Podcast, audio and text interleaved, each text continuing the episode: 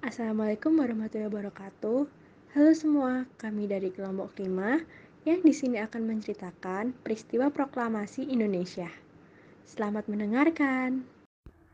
Pada pagi hari, tanggal 17 Agustus 1945, halaman kediaman Insinyur Soekarno dipadati oleh sejumlah massa yang berbaris dengan tertib.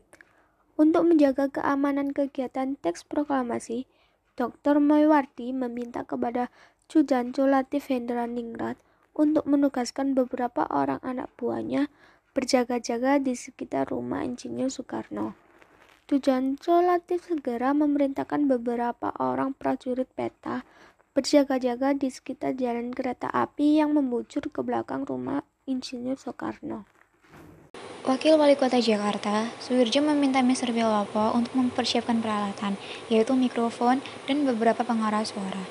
Mr. Wilopo dan Yona Prawoto pergi ke rumah Gunawan, pemilik toko radio Satrija di Salemba Tengah nomor 24, untuk meminjam mikrofon dan pengarah suara. Adapun Es Luhut menyiapkan satu tiang bendera dari bambu untuk pengibaran bendera. Bendera yang akan dikibarkan dijahit tangan oleh Ibu Fatmawati, Kemudian, tepat pada tanggal 17 Agustus 1945, Soekarno dan Muhammad Hatta memproklamasikan kemerdekaan Indonesia.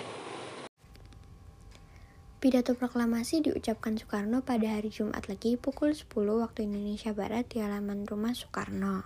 Proklamasi kemerdekaan Indonesia awalnya akan dibacakan di lapangan Ikada atau kini lapangan Monumen Nasional atau Monas.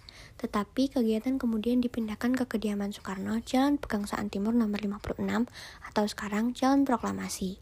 Perpindahan lokasi proklamasi dilakukan karena khawatir terjadi pertumpahan darah saat proklamasi dilaksanakan. Bunyi proklamasi adalah sebagai berikut. Proklamasi kami, bangsa Indonesia, dengan ini menyatakan kemerdekaan Indonesia. Hal-hal yang mengenai pemindahan kekuasaan dan lain-lain diselenggarakan dengan cara saksama dan dalam tempo yang sesingkat-singkatnya. Jakarta, hari 17, bulan 8, tahun 5, atas nama bangsa Indonesia, Soekarno-Hatta.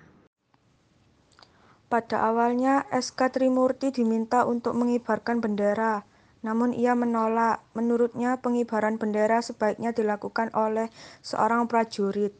Akhirnya ditunjuklah Soedanko Latif Hendraningrat, seorang prajurit peta, dibantu oleh S. Zuhud. Sementara itu, bendera merah putih dijahit oleh Fatmawati, istri Soekarno. Upacara berlangsung syahdu dan para hadirin spontan menyanyikan Indonesia Raya. Ketika bendera dikibarkan, dengan selesainya pembacaan teks proklamasi kemerdekaan Indonesia, lahirlah negara baru yaitu bangsa Indonesia, bangsa Indonesia yang sekarang. Sekian podcast dari kelompok 5. Mohon maaf apabila ada kesalahan kata atau pengucapan. Dan terima kasih telah mendengarkan.